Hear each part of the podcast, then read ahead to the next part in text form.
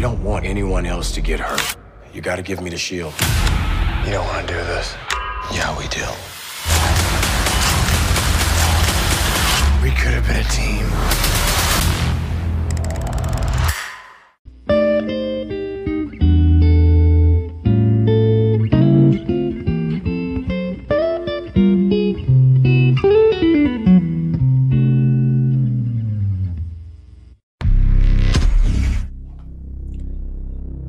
Hey, hey.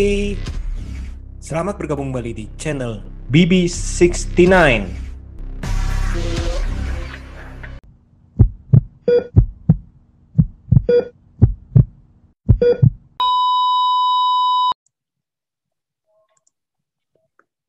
Sobat BB69, pada kesempatan hari ini sudah bergabung dengan kami nih, teman kongko BB69, yakni Mas Dian dari WV Corner. Halo Mas Dian, apa kabar? Alhamdulillah, sehat nih. Gimana Mas kabar? Sehat-sehat selalu nih kita nih ya. Amin, amin. Nah, pada malam hari ini nih kita mau membahas satu film seri nih kita bilang ya mungkin bisa dibilang ini serial terbatas ya, yakni uh, The Falcon Hmm, ya. Winter Soldier yang kemarin hari Jumat lalu ini baru aja selesai ya. ya betul. Udah nama episode nih. Udah rampung season pertama ini. Season pertama ya. Atau mungkin semoga sih cuman di only season sih jadi nggak usah diterusin lagi sih. Diterusinnya di movie-nya sih. Iya, betul, betul. Nanti kita bahas itu. Hmm. nah gimana nih mas? Eh, setelah menonton dari The Falcon and the Winter Soldier secara keseluruhan ya kan waktu kemarin pas episode pertama kita eh, sudah bincang-bincang sedikit ya. Nah sekarang kan sudah Iya, betul, betul. gimana nih mas kesannya? Atau pengalaman Em, jadi kalau ngomong Falcon and Winter Soldier ya, kayak sebelumnya kita pernah bahas, betulnya ini kan salah satu project MCU fase 4 yang saya bisa dibilang eh, tidak terlalu menaruh ekspektasi besar gitu terhadap serial ini gitu. Bahkan dari deretan project MCU fase 4 itu ini saya menaruh ini ada di dua terbawah lah sebagai project yang tidak terlalu saya nantikan gitu. Jadi saya cukup nothing tulus aja dengan kehadiran serial ini. Apa pun hasilnya saya akan tetap menonton menikmati eh, sajian hiburan ini tanpa berekspektasi apa-apa gitu. Dan pada akhirnya enam pekan ini terasa cukup singkat ya karena cuma dengan enam episode ini. Eh, tapi yang saya merasa saya cukup puas gitu karena di sini eh, ketika selesai merampungkan ke enam episodenya saya merasakan em, ritme ketegangan dari episode ke episode itu terasa cukup stabil gitu. Mungkin dibandingkan dengan WandaVision yang di mana kita dibawa kayak naik roller coaster ya. Di awal-awal mungkin agak boring, terus tiba-tiba merasa seru, terus di drop lagi di episode berikutnya, terus menuju episode-episode akhir naik lagi, episode akhir agak menurun dan itu eh, kita melihat satu hal yang berbeda di The Falcon and Winter Soldier ini karena eh, seperti showrunner-nya pernah bilang gitu sebelum series ini tayang kalau ini lebih mirip seperti sebuah film durasi panjang tapi dibagi per episode-episode. Dan itu yang saya rasakan gitu seperti nonton film panjang tapi dibagi per episodenya. Mungkin ini juga yang menyebabkan uh, tensi dari series ini terasa stabil gitu. Ritmenya itu cukup stabil dari episode ke episode dan saya cukup puas dengan beberapa development karakter yang berhasil uh, mencuri perhatian ya di series ini. Mungkin nanti kita bahas di segmen setelah ini. Kalau dari masnya gimana? Ya, eh, emang bener sih saya juga mengalami apa yang Mas Dian alami di bahwa waktu itu Iya. saya bilang bahwa eh, film serial yang diangkat oleh Marvel ini eh, sebenarnya itu saya paling cuma paling melihat itu WandaVision doang. Misalnya di awal itu saya cuma berekspektasi di WandaVision dan misalnya kayak The Iya. Falcon ataupun Hawkeye ataupun Loki itu justru di bawah WandaVision ya dan ternyata ini pas saya nonton eh, dari serial The Falcon and the Winter Soldier ini memang ternyata itu malahan jadi di luar ekspektasi saya sih J- jauh tinggi di luar Oke. ekspektasi saya seperti yang waktu itu kan saya berulang-ulang kali berpikir bahwa apa wah ini mah Disney ini menjadikan sapi perahan nih tapi ternyata kalau kita lihat nih Hmm. eh, di dua seri nih dalam arti WandaVision dan eh, The Falcon ini malah kita lihat ini ini kayaknya ada sesuatu yang direncanakan atau yang sudah misalnya dibangun yang akan dibangun nih uh, oleh Marvel ataupun Disney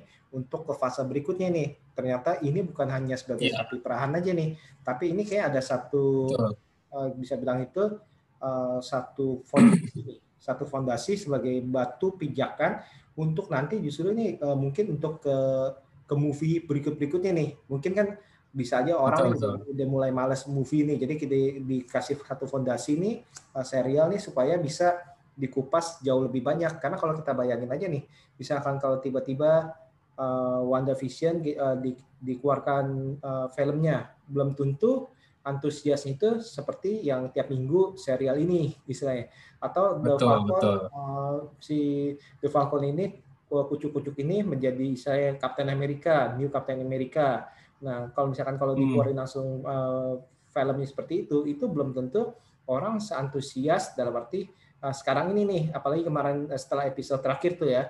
Nah, ini kalau menurut yeah. saya sih benar-benar di luar ekspektasi saya sih. Dan okay.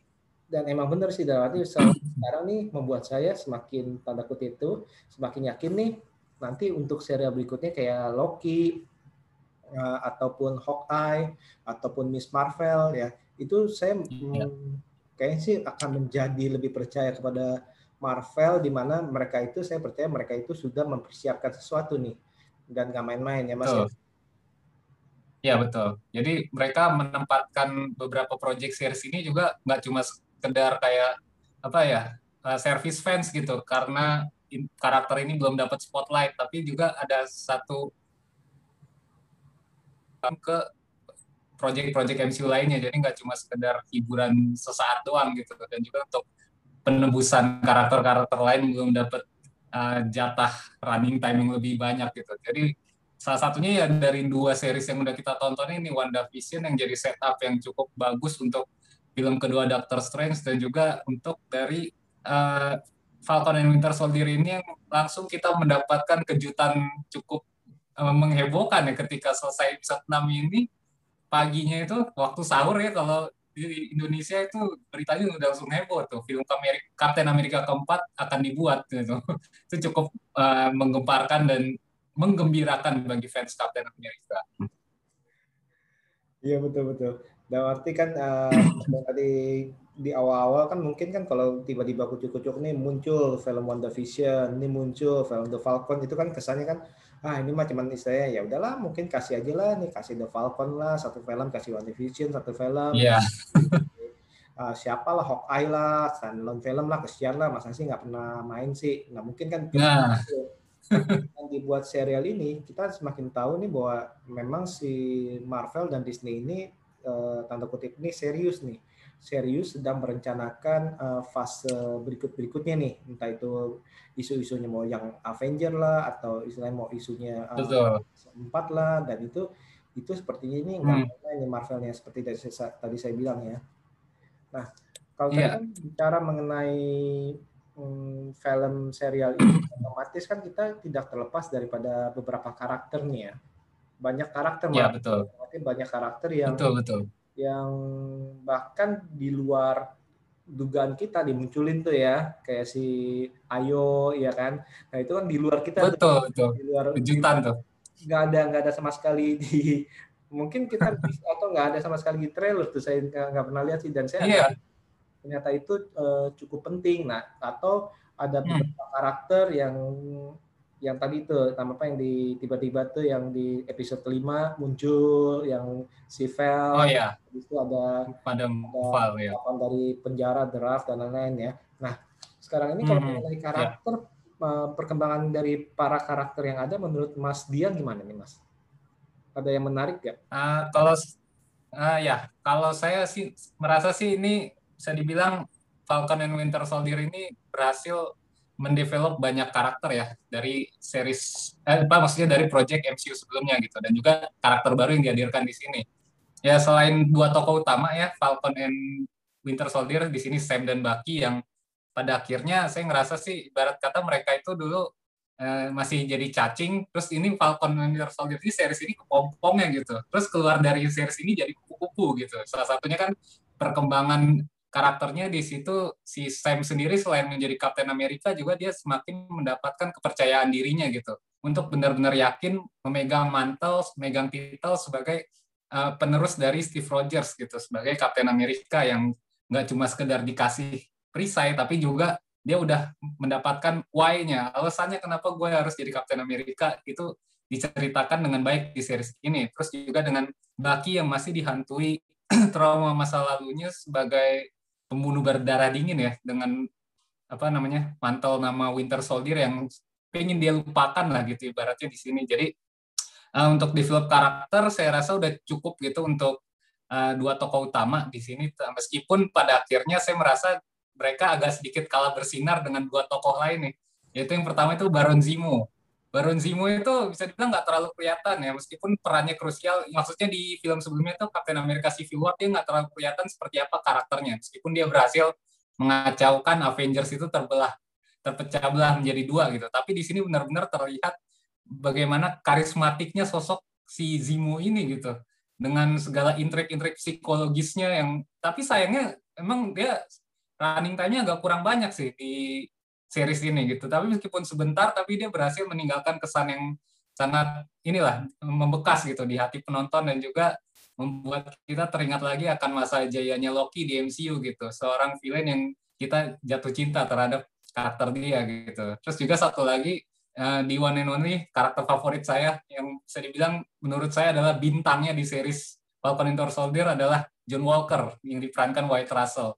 Ini benar-benar dia mencuri atensi banget, uh, bisa dibilang uh, steal the show. Kalau istilah saya itu benar-benar dia mencuri show ini dengan segala tingkah laku dia dari awal kemunculan tuh bagaimanapun juga enam episode dari Falcon Winter Soldier ini nyaris setiap episodenya yang jadi selalu pembicaraan fans selalu si John Walker ini. Dan itu tidak terlepas dari penulisan uh, naskah untuk karakterisasi dia dan juga performa brilian dari White Russell itu sendiri untuk menggambarkan sosok John Walker yang awalnya dari masih seorang militer biasa terpilih jadi Kapten Amerika dengan segala bebannya dan apa namanya sifat dia yang temperamen sampai akhirnya um, dia sempat melakukan kesalahan fatal ya dengan melakukan pembunuhan tuh ibaratnya dengan perisai itu itu terus sampai akhirnya dia direkrut oleh Madame Val itu sampai akhirnya jadi US agent bisa dibilang dia benar-benar mencuri spotlight banget gitu.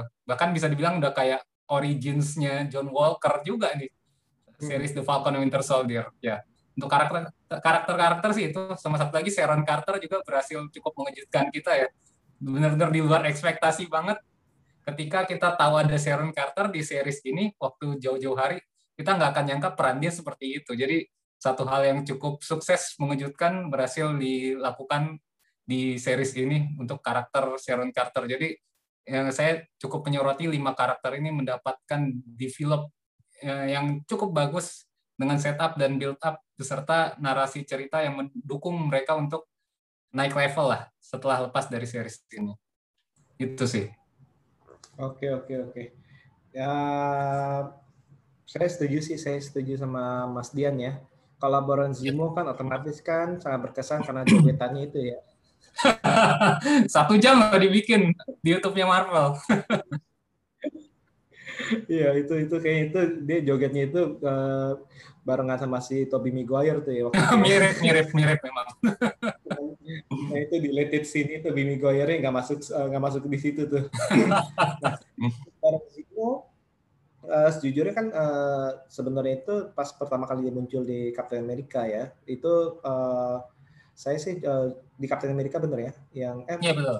Civil War. Bener di Captain America betul. Nah, nah itu saya sih uh, udah udah berkesan malah udah saya berpikir bahwa dia memang udah nah apa udah uh, mempunyai motivasi yang benar istilahnya hmm. seperti uh, villain-villain yang lainnya itu di Marvel itu memang uh, dikasih background yang bagus nih untuk yang waktu dulunya nih nah sekarang ya. ini di sini diperlihatkan sisi lainnya nih. Kalau dulu kan diperlihatkan cuman misalnya dia pinternya nih pinter memanipulasi orang segala macam. Kekejaman pun cuman ya saya dilihatnya uh, sedikit aja tuh ya dalam arti yeah. di saat dia membunuh dokternya tapi tidak diperlihatkan tuh. Tapi di sini justru diperlihatkan uh, tanda kutip uh, kebetasannya dia tuh ya. Waktu dia memakai topeng dan ganas tuh. Uh, benar-benar bukan hanya orang kaya yang nggak bisa apa-apa nih istilahnya. Terus yeah. yang iya. berikutnya tentunya disorotin tentang kekayaannya itu. Ternyata itu dia yang gak kalah sama Bruce Wayne kali ya. Kebaronannya super super powernya ya kekayaannya gitu. Dan yang yang saya suka daripada si Zimo ini uh, yang memorable itu well, bukan yang jogetannya sih. Nah yang memorable itu ada justru di saat dia itu menginjak dari serum-serum super oh, itu. Iya.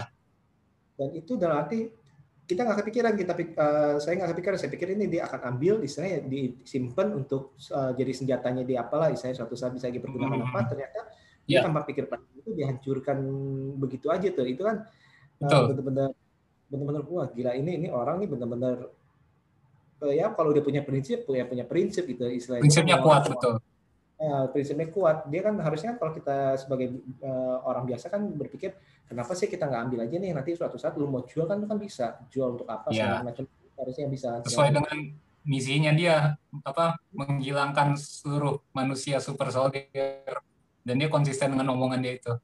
Hmm, padahal itu tuh udah di saya di bawah kaki dia tuh dan itu dihancurkan semua dan hmm. tersisa satu sih. Iya. Yeah. Membuat saya salut sih dan istilahnya hmm, tapi ya tadi itu ya pas ke belakang itu ya mungkin karena memang udah porsinya udah cukup ya udah nah cuman dikasih lihat sebentar tuh di episode terakhir itu di draftnya itu ya dan nanti yeah. ya mungkin itu juga yeah. teaser aja nih ini di draft nih nanti akan uh, ada Thunderbolt atau apa nanti itu kan uh, urusan belakang Maybe. yang dia udah yeah. kasih lihat lagi di draft lagi santai istilahnya nah terus yeah. uh, mengenai The Falcon emang sih uh, film ini kan emang sengaja nih untuk dibuat misalnya supaya kita para penonton ini nggak kaget nih, nggak kaget bahwa ternyata tanda kutip ada The Black Captain America istilahnya. Dan nggak nggak serta merta hmm. uh, sepertinya kayak oh ini gara-gara si Steve ngasih uh, perisai jadi habis itu langsung keluar film suatu film wah The New Captain America. Maksudnya nggak nggak kucuk-kucuk gitu nih. Seperti yang di episode uh, pas episode kita bicarain tentang film serial ini ya memang hmm. sepertinya ini dibangun supaya memperlihatkan nih. Karena di sini bagusnya sih si Sam ini kita bisa melihat ini uh, dari karakternya dia nih. Karakternya dia ini dia ini adalah manusia biasa bukan manusia super lah ya. Dia ini adalah manusia biasa. Oh. dan dia ini punya uh, hati yang murni hati yang baik. Bahkan dia ingin menolong si Carly bahkan dia ingin menolong si John Walker dengan istilahnya dengan cara-cara damai tanpa kekerasan yeah. ini. Istilah itu nilai-nilai betul betul yang pengen ditunjukkan nih dalam arti berbeda dengan John Walker. Mm -hmm. Nah, di sini Sam ini memang mm, seolah-olah ini dibangun agar kita penonton merasakan hati kita ini ya dia memang layak nih dalam arti memang layak dia hmm. tidak punya kekuatan apa-apa tapi hatinya itu adalah uh, kekuatan utamanya hati dan niatnya itu untuk membuat uh, dunia atau negaranya itu menjadi lebih baik. Cuma ya tadi itu, cuma yang di episode ke-6 agak agak saya ya sih. kurang gimana gitu. Apalagi pas dia istilahnya uh, ceramah ceramah di depan senator tuh ya, dia habis dia uh, KO istilahnya kita ngomong KO aja di sini ya itu dia ceramah panjang lebar dan itu menurut menurut saya sih hmm, terlalu panjang dan tidak tidak tidak pada tempatnya itu sih kalau menurut saya sih kalau menurut Mas gimana Mas? Oke, okay. um, saya bilang sih uh, saya nggak terlalu gimana gimana ya terhadap ceramah itu soalnya ceramah no jutsu istilahnya tuh kemarin cukup populer tuh dibilang tuh. Jadi ada yang suka, ada yang enggak juga. Kalau saya netral lah, bilang untuk hmm. parts itu karena bisa dibilang meskipun saya nggak terlalu merhatikan dengan detail kata-kata si Sam di situ, tapi di situ kan kayak semacam callback juga tuh, di mana dulu itu Sam itu di The Winter Soldier, kalau nggak salah Captain America yang kedua, yang dia sempat nanyain Steve, uh, lu itu pidato oke nyiapin teks apa gimana sampai akhirnya dia ada di posisi itu. Itu itu cukup menarik juga tuh di situ. Dan apa yang dia ucapkan itu, apa yang dia katakan itu berhasil mempengaruhi cukup banyak orang gitu. Dengan ekspresi-ekspresi orang-orang yang mendengarkan di situ. Kayak kita bisa melihat di situ kan uh, si yang si Baki terus juga si uh, John Walker juga melihat di situ kayaknya cukup tergugah gitu dengan apa yang yang ia ucapkan gitu. Jadi Sam ini di sini bisa diperlihatkan sudah semakin matang gitu untuk bisa menjadi seorang leader gitu. Karena sebelumnya kan kita tahu dia hanya sebagai tangan kanannya Steve Rogers gitu. Bahkan dia dengan yakin gitu mengatakan kalau uh, ibarat kata ini ya, uh, gue kulit hitam tapi gue layak gitu menjadi hmm. seorang Kapten Amerika gitu. Gue nggak punya rambut pirang, mata biru dan juga kulit yang putih gitu. Yang bahkan saat itu langsung disorot ke Isaiah Bradley dan itu cukup menyentuh juga sih di situ. Dan ya sama satu lagi juga langsung nyorot ke kakaknya kan itu. Dan itu kan kayak berhasil menebus segala keraguan dia kegundahan hati dia selama kita lihat dari awal episode sampai akhirnya menuju ending ya sebetulnya cukup epic sih. Cuma emang sekali lagi entah kenapa episode ke-6 ini agak sedikit berantakan maybe karena plotnya yang terburu-buru. Hmm, mungkin banyak adegan yang dihapus juga kita nggak tahu ya. Tapi kayaknya sih itu salah satunya karena ini dibuatnya cukup padat gitu 6 episode doang dan kita jadi terlalu cepat untuk langsung masuk ke sana gitu. Padahal di awal di awal episode 6 itu baru kita perlihat kita baru melihat gitu Sam dengan kostum barunya gitu. Jadi terlalu singkat terlalu cepat untuk Sam itu udah di posisi sana. Tapi overall saya cukup suka aja sih dengan nggak terlalu maksudnya nggak nggak menaruh ekspektasi besar terhadap hal itu. Jadi saya cukup netral tapi overall saya suka lah untuk uh, parts di mana saya menunjukkan wibawanya sebagai seorang Kapten Amerika. Hmm, hmm, hmm. Iya. Nah, uh, dalam apa tatonya si Sam aja bercanda sama si Baki ya. Oh, gue nggak denger apa-apa.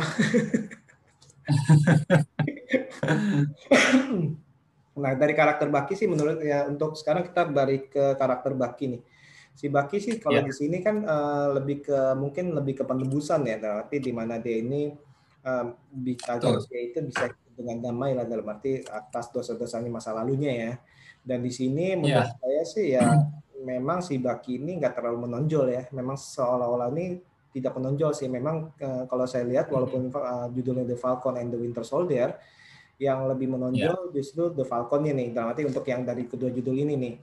Tapi walaupun betul, betul. si Baki ini uh, diperlihatkan sisi manusianya dalam arti terus sisi hmm. dibukakan oh ternyata ini dia selama dia jadi uh, Winter Soldier dia ini uh, ngeh apa yang dilakukan nih bukannya dia uh, lupa ingetan jadi pas dia udah udah tanda kutip disembuhin oleh si Ayo dia ini masih ingat masa lalunya di kala dia ngebunuh dan itu detik per detiknya itu dia ingat tuh kejadian per kejadiannya dan dan itu istilahnya hmm. selama ini kan kita nggak berpikir seperti itu dengan adanya seperti itu malah jadi simpati oh iya bener juga sih gimana nggak emosi jadi labil nih gimana dia istilahnya uh, tidak bertanya-tanya nih maksudnya ap apakah dia layak apakah gimana dia harus bertemu dengan keluarga orang yang dia bunuh uh, sejak si Tony hmm. Stark kan terus habis itu kan dia kan harus bertemu dengan yang uh, mantan temennya itu nah seperti itu sih Nah, kalau si Baki sih yeah. Iya. uh, walaupun badass tapi ya tadi itu memang di uh, serial ini Baki ini untuk karakter ini bagi saya sih ya nggak nggak terlalu ada yang menonjol ya. Nah, tadi itu sama seperti uh, Mas Dian bilang nih justru kalau saya ini uh, yang paling menonjol itu dua yaitu pertama adalah John Walker, yang kedua ini yang paling berkesan nih ya uh, adalah si Isaiah Bradley. Yeah. Si Isaiah Bradley kan otomatis Oh ya, saya juga sih uh, berhubungan dengan uh, status daripada Black Captain America nih. Dan ini status oh, uh, dari yeah. maksudnya istilahnya ya politik-politik istilahnya perbedaan warna kulit segala hmm. macam. Nah, ini tampilannya walaupun cuma sebentar-sebentar aja, tapi bahkan hmm. tampilan daripada sang aktornya itu itu menurut saya sih benar-benar wow banget lah bisa mencuri perhatian tuh. Oh gestur tubuh, tatapan matanya, mimik wajahnya saat dia bercerita. Iya. Seolah-olah itu apa yang dia ceritakan itu seolah-olah itu dari dari hatinya itu iya. uh, terucap yeah. tuh. Ya mungkin nggak tahu apakah sang aktor itu dari masa lalu itu mengalami ada hal-hal tertentu ya. Tapi kita bisa lihat yeah. Dan, dari yeah. gestur tubuh dia berakting itu itu benar-benar seolah-olah ini uh, orang yang menceritakan tentang pengalaman hidupnya beneran nih dalam arti Nah ini betul, betul. saya ini uh, si yang pemain Asia Bradley ini benar-benar hebat sih nih. Nah berikutnya adalah ya. si John Walker. Menurut saya uh, justru pamor daripada The Falcon ya masih di serial ini nih kalah ya. sama John Walker menurut saya nih. Dalam ya betul. Berarti justru ini apakah maksudnya saya pikir ini bukan bukan mengenai uh, New Captain America nih, tapi ini mengenai US agent agent nih, malahan nih menurut saya nih. Kalau menurut saya ya. Iya uh, yeah, ya. Karena uh, dalam arti uh, si John Walker ini, ini karakternya benar-benar menarik sih menurut saya sih. Bahkan benar-benar membuat saya banyak berpikir. Kayak misalkan uh, dia ini adalah seorang yang berusaha untuk uh, membuat negaranya jauh lebih baik kan ya, melindungi negaranya, yeah. hmm. Habis itu dia itu manusia biasa awalnya loh. Dia ini hanya manusia biasa. Mm. Gitu. Yeah. Uh, habis itu dia uh, diserahkan tamengnya, dipilih. Kita nggak tahu kenapa dia dapat pilih, uh, dipilih. Apakah ada rencana-rencana tertentu, tapi ini nggak dibahas di, di serial ini. Kita anggap ini dia dipilih karena dia adalah the best lah ya, karena dia kan mendapat tiga medali segala dan dia itu bahkan katanya itu uh, apa melompat pada granat tiga kali dia ngomong ya. itu hmm, yeah. ya. Uh, nah, uh, di saat dia menerima hal itu berarti kan dia kan uh, harus me, istilahnya harus memikul beban di mana uh, orang-orang melihat dia itu sebagai Captain America dan dia berusaha sebaik mungkin. Uh, bayangin nih si Steve ini ada serum super. Dia nggak ada serum super nih di mana dia Betul, ini ya. bisa nyaingi si Steve nih dalam arti kan. Ya. udah udah hmm, udah nggak mungkin udah nggak mungkin secara secara pikiran nih hmm. terus belum lagi kan kelompoknya Carly ya, betul. nah terus lagi si Carly itu ternyata itu uh, di satu episode itu dia itu uh, melakukan sesuatu terhadap partnernya si si Walker, si Limar ya. Nah akhirnya ini kan jadi lepas kendali. Ah, iya. Kalau saya pribadi nih, kalau saya pribadi, hmm.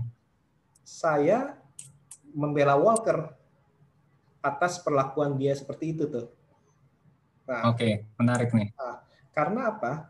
Uh, saya sempat ngomong, ya saya sempat ngepost waktu kejadian di Civil War, uh, gimana apabila si Tony tiba-tiba ngebunuh Bucky. Apakah si uh, si Steve nah. lepas kendali apa enggak? Soalnya waktu uh, waktu itu kan Steve juga hampir lepas kendali kan sampai ngancurin tengahnya si mm -hmm. yeah. uh, tengahnya si Iron Man. Matiin itunya. Iya. Yeah. Powernya itu kan. Nah sekarang bayangin nih kalau satu saat ini mm. pas waktu itu kita what if-nya nih si Iron Man berhasil ngebunuh secara sengaja si Bucky. Kira-kira apakah Steve akan marah apa enggak nih? Nah, kalau menurut Mas Dian gimana? Saya setuju, setuju banget. Uh, sebenarnya saya juga berpikiran hal yang sama sih waktu itu.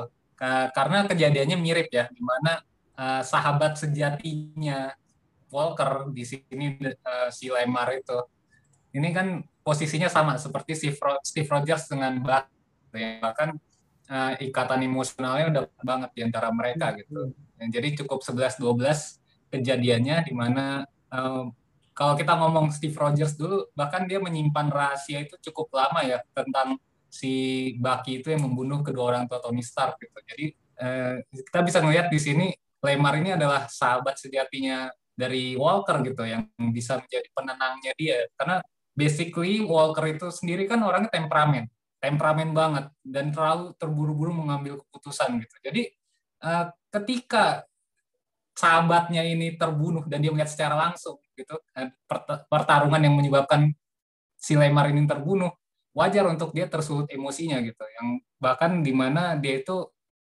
sedang psikologisnya sedang kacau ya di saat itu di hari itu yang dia sudah apa namanya salah mengambil keputusan tuh yang awal dia apa mergokin si Carly Morgan tuh. Terus juga dia dipermalukan sama si Dora Milaje. Sampai akhirnya dia berpikir untuk nyuntik serum super soldier. Itu di hari itu dia benar-benar lagi kacau banget. Terus juga dengan tekanan di mana dia uh, harus menjadi Kapten Amerika yang benar-benar bisa di respect banyak orang gitu. Jadi tekanan psikologisnya benar-benar banyak dan puncaknya itu berat kata hit terakhirnya yang benar-benar nge apa namanya istilahnya tuh kalau anak sekarang tuh kena mental. Mental breakdownnya dia tuh di situ. Jadi wajar untuk dia melampau apa melampiaskan emosinya di situ gitu. Jadi uh, serba salah juga sih, meskipun tidak harusnya seorang yang sudah memegang titel Kapten Amerika tidak bisa mengontrol emosinya gitu. Tapi pada akhirnya kita berkaca lagi kalau sebagai penonton biasa bukan bukan sebagai warga yang ada di MCU ya, penonton biasa kita ingat kejadian waktu pas Civil War itu Steve Rogers hampir melakukan hal yang sama gitu kan. Tapi pada akhirnya ya sudah lah gitu. Ini jadi bagian dari perjalanan hidupnya John Walker untuk uh, naik level ke tingkat yang lebih baik lagi gitu. Karena setelah itu kan dia uh, bisa dibilang ini ya apa namanya berke, makin berkecamuk sampai akhirnya di episode terakhir dia mendapatkan penebusan itu gitu. Dari apa yang dia lakukan di episode keempat ya kalau nggak salah yang dia ngebunuh itu. Di episode terakhir dia udah mendapatkan penebusan itu. Hmm, ya soalnya bener-bener sih nanti ya tadi itu. Ini malah saya salah ya salahnya si Ayo juga lah lagian ngapain sih jadi, jadi kan kayak gitu nih salahnya di Wakanda nih gimana sih nih? Terus ini soal ya, ini gimana sih? Ya ya udahlah. Enggak enggak enggak bercanda. Itu tapi emang benar sih karena kan mm, dia kan ya tadi itu dengan manusia biasa aja dia kalah tuh. Tapi sebenarnya sih John Walker sih nggak usah nggak usah malu. Berarti si Sam sama si Bang ya lu siapa? Ya kita betul. Si Sam sama si Bang anjir aja kalah lu gitu mau nggak ya udahlah nggak usah nggak usah mikir banyak banyak Nah, apalagi ya tadi itu benar sih itu uh, karena si Linmar kan ya istilahnya kan itu kan uh, sehidup mati lah ya dalam arti ya. Uh, hmm, segala macam kita lihat di mana waktu dia datangin ke keluarganya itu kita udah lihat tuh bahwa apa ini benar-benar deket nih dalam arti. Nah, terus yeah. ya iya. mungkin kesalahan yang terfatal adalah tadi itu uh, musuhnya itu uh, sudah dalam keadaan menyerah.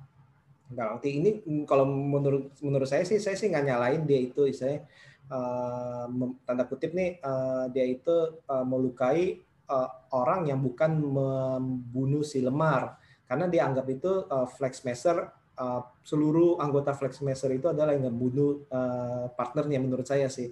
Tapi kesalahan fatalnya yeah. adalah keadaan di mana uh, musuhnya itu udah menyerah. Nah itu kan dieksekusi akhirnya kan anggapannya kan beda sama yeah. Captain, Captain America itu dia berperang uh, dan dia itu nggak pernah mengeksekusi orang uh, yang sudah menyerah dalam arti. Mungkin itu kali kalau yang saya tangkap ya. Nah, uh, ngomongin John Walker, yeah. itu malah uh, tidak lepas dari ngomongin si Carly. Nah, ini sosok ini nih, sebelum nah. saya kalau menurut Mas gimana Mas, kalau sosok Carly? Carly Morgan tuh. Jadi sebetulnya uh, mereka ini ya secara keseluruhan aja ya Carly dan kawan-kawannya ini di kelompok Flexmaster ini tidak bersalah ya. Sebetulnya niat mereka baik memang cara mereka yang salah gitu.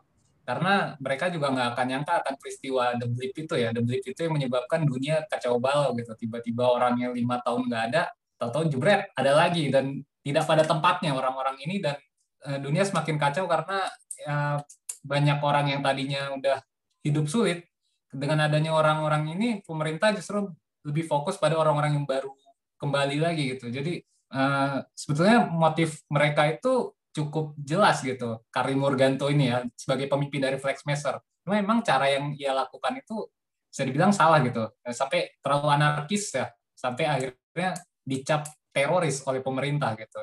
Sebelum akhirnya Sam itu bisa menenangkan semua keadaan ini ya di ending dari series ini. Jadi kalau untuk karakternya sendiri uh, bisa dibilang uh, cukup unik ya karena ini kan karakter yang swap gender. Kalau Carmor Ganto itu kan yang di komik tuh kan laki-laki dan memang lebih badass. Tapi di sini kan karena dia perempuan dibuatnya ya dengan sifat yang sebetulnya di balik topengnya itu dia uh, sosok yang rapuh juga gitu. Sosok yang bahkan bisa diajak berkompromi sebenarnya. Waktu pas si Sam itu ngajak negosiasi si Carly sebelum akhirnya si John Walker tahu-tahu datang di situ udah kacau lagi gitu. Jadi sebetulnya dia orang yang baik gitu, digambarkan dan dinarasikan di ceritanya di sini dan si aktris pemerannya juga bisa menggambarkan si, uh, si karakter Carly Morganto ini dengan cukup epic sih. Jadi untuk uh, Carly Morganto uh, salah satu karakter yang cukup uh, bisa membawa pengaruh signifikan lah di series ini. Meskipun kalau dicap sebagai villain utama agak nggak bisa dibilang sebagai villain juga sih. Jadi di, jadi menurut saya itulah kalau untuk Karim Morganto.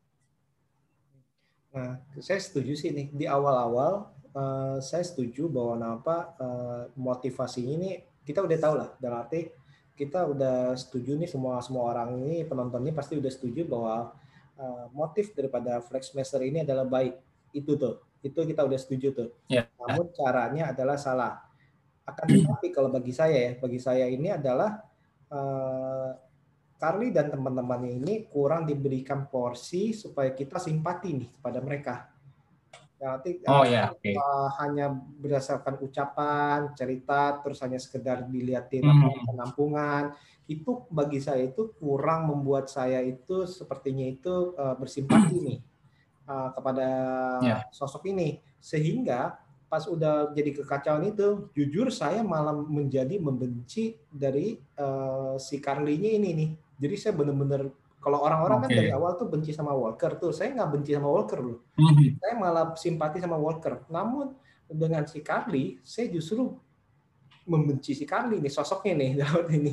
Karena dalam arti dia tidak dibuat uh, Ya. simpatik nih, dalam arti simpatik dalam arti misalkan kalau dia dibuat mungkin diperlihatkan uh, kekacauan-kekacauan yang ditimbulkan akibat orang-orang muncul, habis itu orang-orang yang sebenarnya itu dia punya rumah harus diusir lagi atau istilah yang uh, yang Mhm. tadinya itu dapat dana pemerintah, bantuan pemerintah, ta- ternyata muncul uh, orang-orang yang dari Blip Iya. itu, terus habis itu akhirnya dananya kepotong, nggak ada bantuan lagi sama sekali kan ya katanya kan.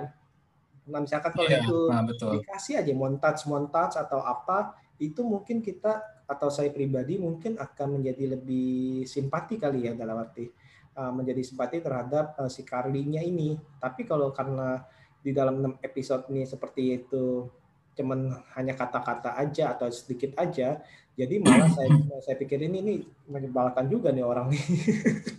itu mungkin kalau bagi saya sih. Nah, Iya, ya. Oke. Hmm. Nah, nah sekarang kita ngomongin mengenai keseluruhan episode nih. Uh, apakah memuaskan atau gimana, Mas? Em, kalau overall seperti saya bilang di sini emang seperti emang betul seperti apa kata showrunner-nya ya bahwa ini seperti film berdurasi panjang yang dibagi per parts gitu. Jadi eh, dengan saya seperti sudah singgung di awal pun di mana tensi ketegangan dan ritme yang dibawa itu cukup stabil gitu dari episode ke episode. Mungkin minus di episode terakhir aja yang saya pribadi agak kurang puas juga sebetulnya. Tapi ya sudahlah gitu karena dari awal pun saya tidak menaruh ekspektasi apa-apa terhadap series ini gitu. Jadi di banyak di di banyak orang mungkin orang kecewa berat gitu dengan episode terakhir tapi saya tergolong yang biasa aja gitu. Jadi untuk keseluruhan episodenya saya cukup puas sih eh, karena bisa dibilang kita nggak terlalu dibawa untuk eh, seperti WandaVision ya naik roller coaster banget gitu.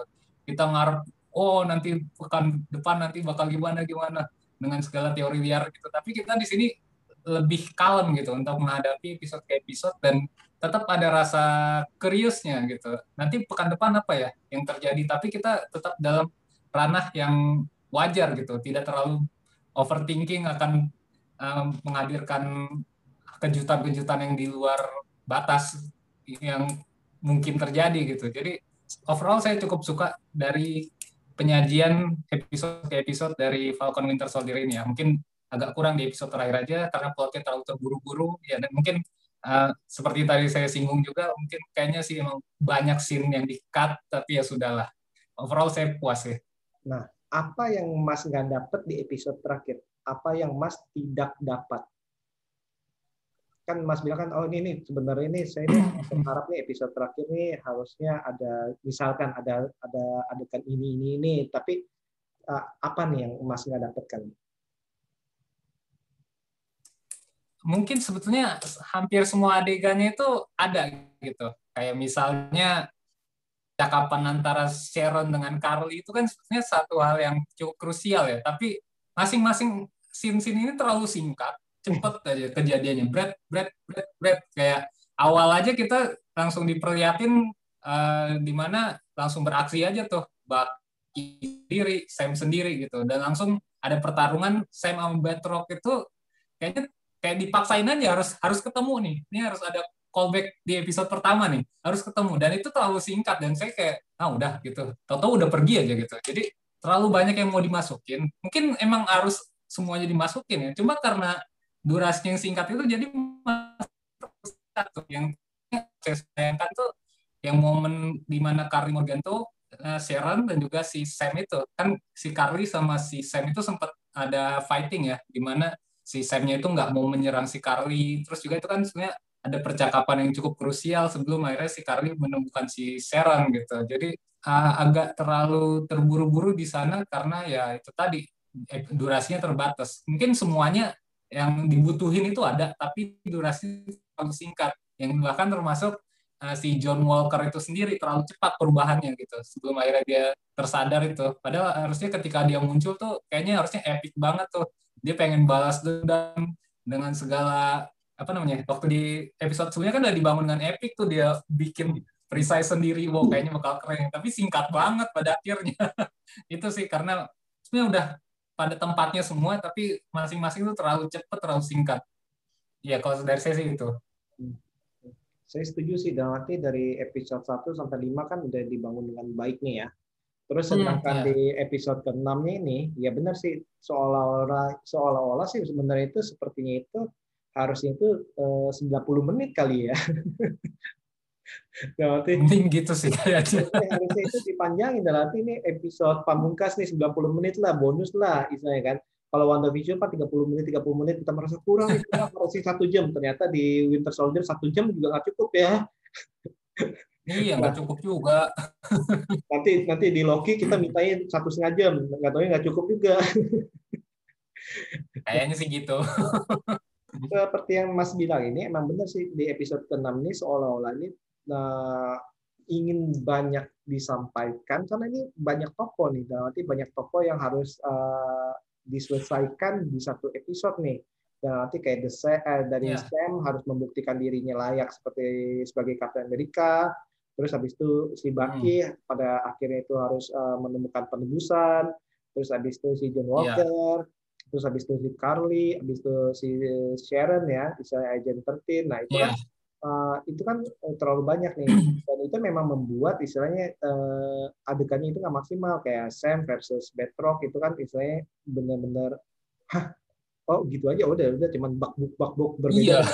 sama istilahnya ya episode pertama betul, kita betul, betul. gitu kalau ini kan bak buk bak buk ya kayaknya kayak ngebunuh hmm. kayak kayak hmm. biasa aja terus atau kayak si yeah. Baki juga tuh kayak si Baki sih agak konyol sih itu yang pas dia ngancurin apa mau nyelamatin orang tuh kenapa kalau kalau istilahnya kalau alatnya itu nggak bisa dihancurin dibolongin aja tuh pintunya. Pintunya dari samping ya. Dari, dari sampingnya aja dibolongin aja dalam arti dalam arti ngapain sih lu pukul iya. Iya kan, kalau itu tangannya kuat, kenapa dia nggak masuk dari dari yeah. ngancurin uh, itunya, habis itu, uh, ya udahlah itu itu udah lagi lucu-lucuan aja sih. Nah, terus ya kayak uh, yang yang paling yang paling agak-agak saya kurang puas itu adalah si uh, Walker lawan Carly. Harusnya itu saya pikirnya apakah nanti ini saya berpikirnya apakah Walker lawan Carly, Carly-nya udah terdesak, si Sam mengahi, Sam lawan Walker dulu istilahnya si Kari kabur. Iya, coba iya. itu mungkin tuh seperti itu. Tadinya saya pikir gitu. Iya. tapi tapi terlalu panjang nanti durasinya. Terlalu panjang. Ini aja si Carly lawan Walker aja saya kurang puas. Ini si Carly ini kayak kurang di kurang di iya.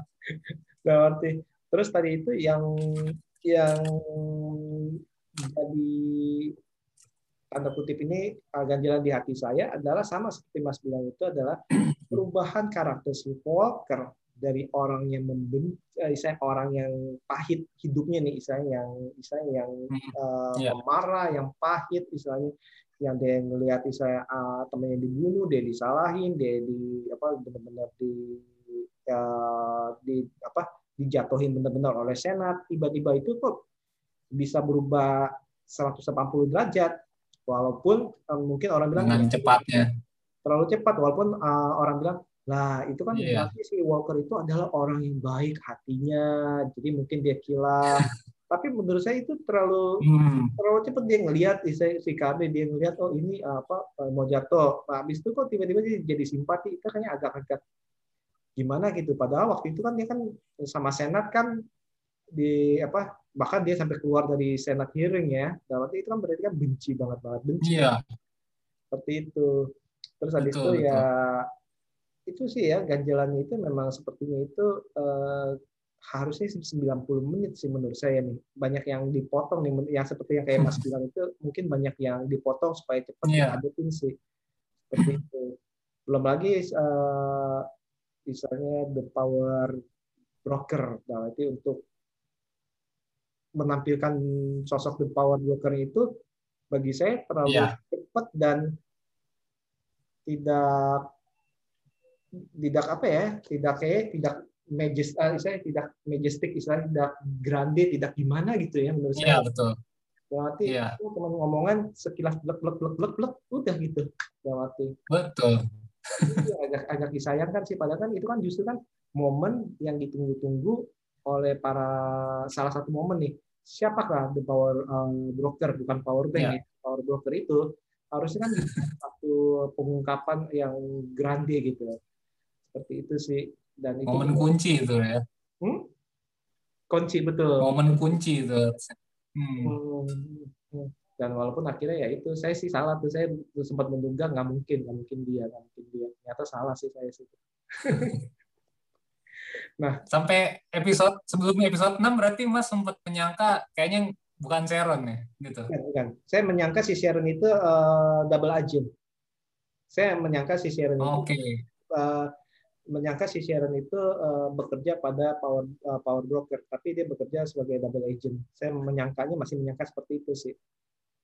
Hmm. Ternyata Tapi masih mungkin juga sih. Karena kalau di mid credit scene itu kan dia menelpon seseorang, kita nggak tahu siapa yang ditelepon. Bisa aja yang ditelepon itu adalah the real power broker. Masih mungkin nggak tuh? tapi si Carly kan kenalin dia sebagai power broker. Kuncinya kan di Carly. Oh iya ya, betul Kan dia betul. bilang kenapa kamu mengkhianati saya segala macam. Nah itu udah ya udah kita terima aja deh. Paling-paling yang Iya betul. yang kita masih bisa ini ya itu apa si Sharon itu bukan Sharon yang sebenarnya. Berarti Iya, Sharon. dari ada sosok yang menyamar berbagai Sharon, istilahnya kan ya kan yang yang teori-teorinya Mas ya, benar ya? Tapi kurang setuju sih saya soal itu. Soal eh, kan ada teori yang cukup berkembang ya, kayak kemarin saya ngomong tuh eh, ini apa scroll versi jahat gitu. Karena nanti bakal ada project secret invasion jadi mungkin scroll bakal eh, mengambil salah satu peran gitu. Jadi salah satu teori yang cukup berkembang saat ini Sharon itu adalah scroll. Tapi kalau saya pribadi saya nggak setuju dan nggak suka apa yang realistis dulu dia kan eh, di episode ke-6 itu kan ada nyamar tuh jadi cowok ya kalau nggak salah kan yang pakai teknologi yang kayak si Black Widow di Winter Soldier. Kalau dia emang scroll ngapain pakai teknologi itu? Langsung aja dia berubah sendiri. Ya kan? Itu satu satu. Terus yang kedua itu scroll ini kan baru di reveal di MCU itu tahun 2019 di film Captain Marvel. Meskipun Captain Marvel itu latarnya tahun 90-an selama dari film pertama Iron Man sampai Avengers Infinity War kita nggak pernah mikir macam-macam oh dia scroll nih oh dia scroll nih. Kan nggak ada hal seperti itu tapi giliran udah selepas ada scroll itu kita dikit-dikit ada karakter yang mencurigakan wah scroll nih wah scroll nih. Nah itu kan jadinya nggak agak jadi satu hal yang ngeganjel gitu untuk project-project MCU ke depan. Kalau misalnya Sharon ini scroll gitu. Dan yang jelas kan Sharon ini sendiri juga kalau ditempatkan kenapa dia bisa begitu ada alasannya ada reason yang Hmm, clear lah gitu. Kenapa dia bisa begitu? Atas dasar kekecewaan dia akan pemerintah dan juga pihak Avengers yang seperti Lupa tidak memedulikan dia ketika dia terkena kasus itu ya, yang di Civil War itu dia akhirnya buron ke Madripoor. Jadi ada motivasinya juga kenapa dia bisa seperti itu. Hmm. Soalnya mungkin penonton juga ngelihat waktu itu kan eh, si Nick Fury aja bisa bukan Nick Fury yang sebenarnya kan, berarti ternyata Nick Fury-nya lagi di di, Nah itu, lagi santai kan. Nah, ad- antara iya, ada tiga sih berarti eh, si Sharon ini memang udah jadi istilahnya karena sakit hati dia istilahnya eh, berubah untuk melawan Hmm. pemerintah nih menjual segala macam ya. Yang kedua itu tadi itu apa iya, si scroll. Yang ketiga sih ini sih eh, yang Hmm. Paling besar nih mas menurut saya nih ya. Ini si Mephisto. Oh. Tapi kalau menurut saya sih, Mephisto itu nggak akan karakter, ya ya. Maksudnya karakter-karakter goib gitu nggak akan masuk ke ranahnya ini apa namanya yang Iya, kayak modelan Falcon gitu nggak bakalan sih. Bercanda itu itu wah itu orang-orang bisa ngamuk tuh. Mephisto lagi di bawah-bawah lo ya. Udah, udah, udah. Tapi udah udah kacau sih kalau misalnya modelan begitu. Kan kalau kata si Sam kan ada tiga jenis villain tuh yang dihadapin. Android, alien sama itu Iya. apa witch gitu kan. ya mau nggak mau paling ya jatuhnya itulah kayak Android atau orang biasa kayak Zimu kalau di ranahnya mereka tuh di situ aja. Kalau saya sih lebih setuju yang pertama sih bahwa apa memang dia itu udah kecewa dan dia itu akhirnya ya udah Ya, eh, ya dia akan balik dalam arti eh, melawan dari pemerintah. Nah ini lucunya ini kebalikan daripada John Walker nih awal itu sakit hati, eh malah akhirnya itu jadi saya bisa tobat lah dia ya seperti itu sih. Tapi nanti kita lihat. iya sebagai antihero. Nah dari dari serial ini pun kita banyak bisa banyak cabang-cabang nih ya dalam arti ya Eh, dari Hmm, dari si eh, Zimo-nya nih, Zimo akan menjadi apa nih di draft nih? Akan akan kuat kan? apakah ya, seperti yang dibilang itu Project Thunderbolt tuh ya? Eh, apakah nanti bakal ada red jadi. macam? Apakah nanti akan terjadi apa nih dengan Zimo nih sama draft nih? Ini udah ada nih. Terus habis itu dari si eh, si Sam, nah dengan jadi Captain America nih. Nah, Captain America apakah nanti Mm-mm. ada uh, ada punya partner baru gak nih? Falcon nih, New Falcon nih, si Torres ya. Nah, itu itu Oh ya, ya, itu kita mikir tuh. Berarti terus si Bucky, Bucky nanti mau apakah dia itu uh, bakalan ke Wakanda ada nih? Di Wakanda dia ba- ada hubungan oke. dua gak nih? Istilahnya kita masih mikir-mikir. Hmm, Terus abis Ya. itu uh, John Walker. Nah, John Walker ini kita masih bingung nih. Nanti dia bakal dikasih dikasih kesempatan apa nih sebagai Panggung. nih? Iya. Ini otomatis ini berhubungan dengan eh, kemungkinan yang terjadi di Captain America 4 nih, Mas. Walaupun itu sih Iya, masih betul. jauh, ya. masih masih jauh karena masih harus melewati eh, berbagai macam serial yang ada ya atau film yang ada ya. Iya, dan bisa bisa dibilang kan fase 4 ini udah diumumkannya jauh-jauh hari gitu. Sementara ini kan baru banget, telat banget gitu. Mungkin juga kayaknya Marvel Studios ngelihat feedback dari Falcon Winter Soldier ini dulu nih. Oke nggak? Kalau oke, kita lempar nih Captain America 4. Kalau nggak mungkin udah selesai sampai di sini gitu. Mungkin jatuhnya season kedua, tapi ternyata feedbacknya oke, dilempar lah Captain America keempat. Karena juga emang banyak hal yang bisa dikembangin kayak Mas bilang tadi itu. Dari masing-masing karakter dan pihak-pihak ini masih banyak hal yang bisa digali lagi. Hmm. Tapi kalau saya pribadi sih eh, berpikir sih eh, nggak mungkin dalam arti nggak mungkin eh, Marvel itu kucuk-kucuk. Wah ini eh, berhasil nih kita langsung angkat aja nih. Udah Captain America 4 nih. Nah kalau menurut saya nih kalau dalam pikiran saya sebenarnya mereka itu udah ada udah ada rencana nih. Misalnya udah ada naskah, Iya. udah ada rencana segala macam atau kita bilang itu eh, bukan naskah tapi lebih eh, temanya lah. Misalnya premis ceritanya akan seperti itu. Cuma apakah ini akan direalisasikan sebagai film atau tadi Mas bilang season 2 nih. Dan ternyata itu Ya, penonton itu eh, sangat antusias, akhirnya itu oke kita ini jadi langsung dikeluarin tuh. Nah, itu sih kalau menurut saya cuma Oke, ya itu karena masih ada tadi itu masih ada eh, Hawkeye, Loki, Shang-Chi, ya, tuh. Black Widow, banyak banyak banget. Eternals. Ya kayaknya ya. Jadi masih mungkin nih eh, agak susah menduga-duga nih, karena kita nggak tahu nih apakah John Walker akan muncul di Shang-Chi atau John Walker muncul di mana kan nih sebenarnya nih. Kita kan ya Marvel kan pinter-pinter juga tuh ya kayaknya itu dan pinter menjaga rahasia sih. Iya, emang betul. Nah, Semakin banyak karakternya lagi. kenapa? Ya, semakin banyak karakternya gitu yang Hmm. bisa dihadirkan lagi. Tapi mungkin yang paling rasional eh, Bucky bakal jadi White Wolf lagi mungkin di Black Panther 2. Kayaknya cukup menarik juga tuh sebagai setupnya. Soalnya kan udah ketemu dengan Dora, Dora Milaje di Hmm. series, series ini gitu, jadi mungkin ada kaitannya lagi dia nanti di Black Panther yang kedua. Hmm. Nah itu dia tuh yang paling apa? Yang paling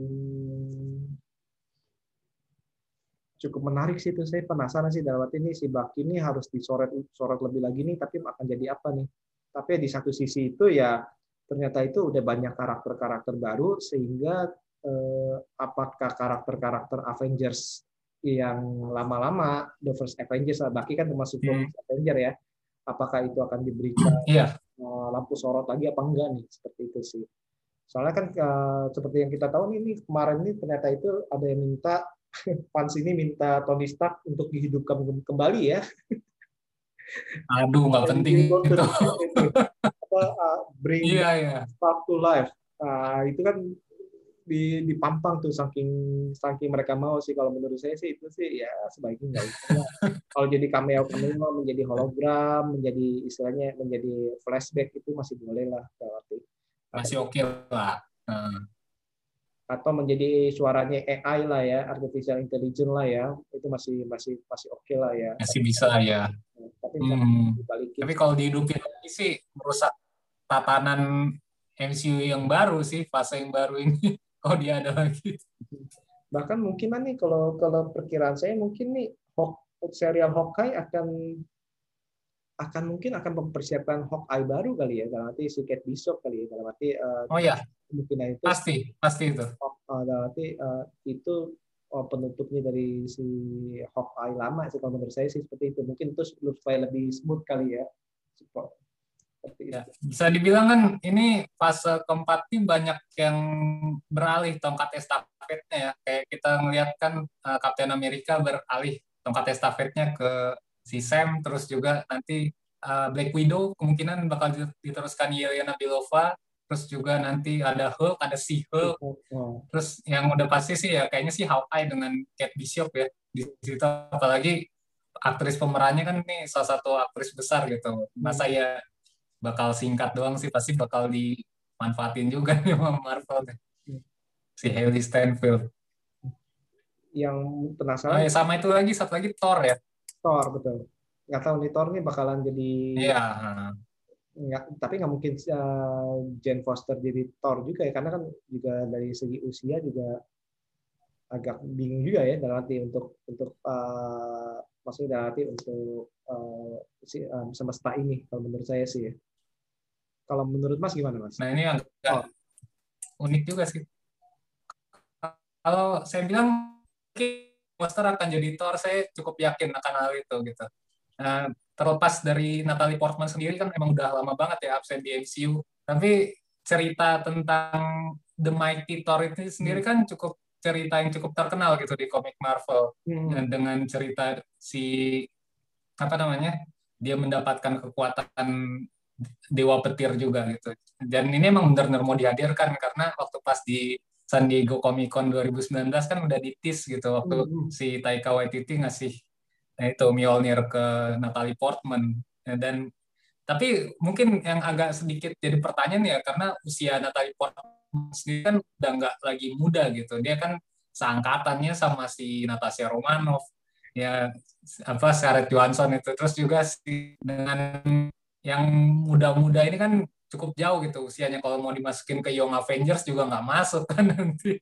Jadi mungkin tetap jadi Thor tapi mungkin nanti dia punya dunia sendiri gitu. Karena Young Avengers sendiri kan kayaknya udah mulai kelihatan nih mau dibangun dengan karakter-karakter yang muda. Dan sementara karakter lain yang udah agak senior tapi belum dapat spotlight lebih kayak Doctor Strange kan juga kayaknya bakal punya peranan kunci di fase keempat ini. Dan itu masing-masing udah punya dunianya sendiri gitu. Hmm. Yang berikutnya juga Hulk masih belum ada kabar juga ya, berarti bakalan seperti apa ya.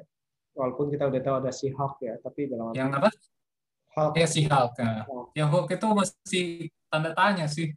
Soalnya film film mana nasibnya karena dua orang berbeda. Eric Bana dan Edward iya, ya. Betul. Seperti itu sih. Iya. Hmm. Karena masalahnya kan Hulk ini nggak bisa dibikin film solo karena karakternya sendiri masih kepunyaannya si Universal. Copyright karakternya si Hulk itu apa Hulk? Hulk Mark Ruffalo itu hmm. si Bruce Banner. Hmm, jadi masih masih terikat jadi istilahnya masih belum bisa dimaksimalin ya berarti ya. Iya hmm. oh iya saya lupa masih ada Spider-Man nggak tahu tuh Spider-Man nanti uh, nyambungin ke mana. Iya benar-benar. Hampir lupa masih ada Spider-Man. Iya, Spider-Man tuh Oke okay, oke. Okay. Overall sih Spider-Man gitu apa namanya masih sebetul sebetulnya masih sepenuhnya milik Sony gitu. Jadi kalau misalnya emang dia lepas dari MCU, saya bilang ya udahlah gitu. Maksudnya MCU punya banyak karakter lain kok yang bisa di blow up lagi dengan lebih gitu. Apalagi dengan uh, umur yang muda itu kan nanti banyak juga karakter yang sepantaran sama Peter Parker Tom Holland. Jadi nggak ada masalah sih kata saya kalau misalnya Spider-Man diambil lagi sama Sony. Hmm. Tapi kan Sony sama Disney kayaknya udah udah ada tantangan kesepakatan baru ya. Jadi itu sih uh, kita berharap lah ke depan. Oh iya iya itu. Uh, terus ada Guardian of the Galaxy. Tapi saya saya sih uh, sejujurnya oh, iya, iya. itu banyak bener ya. banyak banyak Uh, saya pribadi sih sejujurnya sih kenapa mengharapkan karakter-karakter uh, lama nih mulai dipensiunkan hmm. sedikit demi sedikit lah supaya hmm. munculin karakter-karakter yeah. baru yang banyak banyak stok lah dalam arti dan saya percaya Disney itu banyak banget betul itu saya sempat ngomong tuh Guardian of Galaxy siapa sih orang Indonesia yang tahu Guardian of Galaxy pas kita ngeliat yeah, komik yang betul. pertama kali munculnya tuh yang tahun ah, yang itu kan kita juga ketawa nih kok gambar kayak gini karakter kok kayak gini saya kan kayak gitu kan nah, terus yeah, yeah. waktu itu kan itu lagi jatuh-jatuhnya tuh dan uh, orang Indonesia siapa sih yang tahu Kapten uh, dalam tahu sih tahu hmm. Iron Man tahu Kapten Amerika tapi siapa sih ngebayangin berarti uh, dijadiin film apalagi Kapten Amerika cuma bawa perisai ini ya itu apa yang iya. menarik yeah. tonton dalam arti kan uh, X-Men hmm. kuku mata segala macam ini Kapten Amerika pakai perisai doang apa sih tapi ternyata itu apa yang menjadi sudah tidak terdengar itu bisa meledak lagi. Nah itu dia yang saya saya sangat berharap nih uh, Marvel ini sedikit demi sedikit ini munculin munculin munculin karakter-karakter baru. Ya mungkin tadi itu mungkin ya. dalam berapa film terus disatuin terus udah pensiun lagi munculin yang baru lagi berapa film disatuin. Iya betul. Nah, maksud saya sih uh, jangan terlalu atau terlena nih dengan ini. Bahkan untuk the new Captain America ini saya nggak tahu nih ini perlu perlu berapa lama nih? Karena dari usia juga ya nanti ya. Nah itu perlu berapa lama untuk yeah. kita uh, dipertahankan nih? Karena dari usia segala macam. Yang tadi saya bilang sih. Mm -hmm. hmm ya kita berharap aja sih dalam ke depannya ini uh, istilahnya mendapatkan cerita-cerita yang jauh lebih bagus sih. Dan semakin sekarang nih semakin kemari ya in Marvel and Disney we trust. Iya sih. Karena sejauh ini segala formula yang mereka buat itu sukses gitu gimana pun mereka ide itu pasti kayaknya udah mateng banget gitu dilempar pasti sukses aja gitu kayaknya. Hmm. Hmm. Oke oke oke oke. Iya nih. Jadi ini overall nih memang kalau menurut saya pribadi ini, ini serial nih uh, merupakan satu serial yang yang di luar dugaan saya dan bahkan itu di atas atas ekspektasi saya sih nih dan saya berharap ini okay. uh, ke depannya ini ini menjadi satu satu istilahnya batu loncatan untuk ke uh, karakter-karakter uh, atau cerita-cerita lain ini kayak uh, tadi itu banyaklah saya uh, dari Simonya mau dijadiin apa, si Bakinya mau jadiin apa, si Sharonnya mau jadiin apa dan bahkan si hmm, Isaiah iya. Bradley itu mau dijadiin apa ke depannya itu juga kita kan nggak tahu tuh ya. Mudah-mudahan masih ya. Uh, apalagi kan ada keponakannya segala macam tuh ya. Uh, keponakan ada. Yeah, Elia. Hmm. Dan itu uh, bisa. Cucu ya, Elia Bradley. Uh, satu yang Avenger kalau nggak salah ya. Dan itu kemungkinan itu bisa lebih lanjut. Iya, yang Avengers. Hmm. Oke oke, hmm. Mas Dian nih, makasih banget lo Mas Dian ya untuk uh, untuk apa menjadi teman Kongko BB69 lagi nih membahas satu serial yang cukup epic lah ya. Iya. Siap sama-sama nih. Oke, uh, untuk Sobat BB69, terima kasih untuk mendengarkan episode kali ini. Jangan lupa juga untuk uh, mensubscribe ataupun untuk memfollow IG dan uh, YouTube daripada WV Corner dan juga BB69 channel. Sekali lagi, uh, terima kasih banyak Mas Dian dan see you. Sama-sama.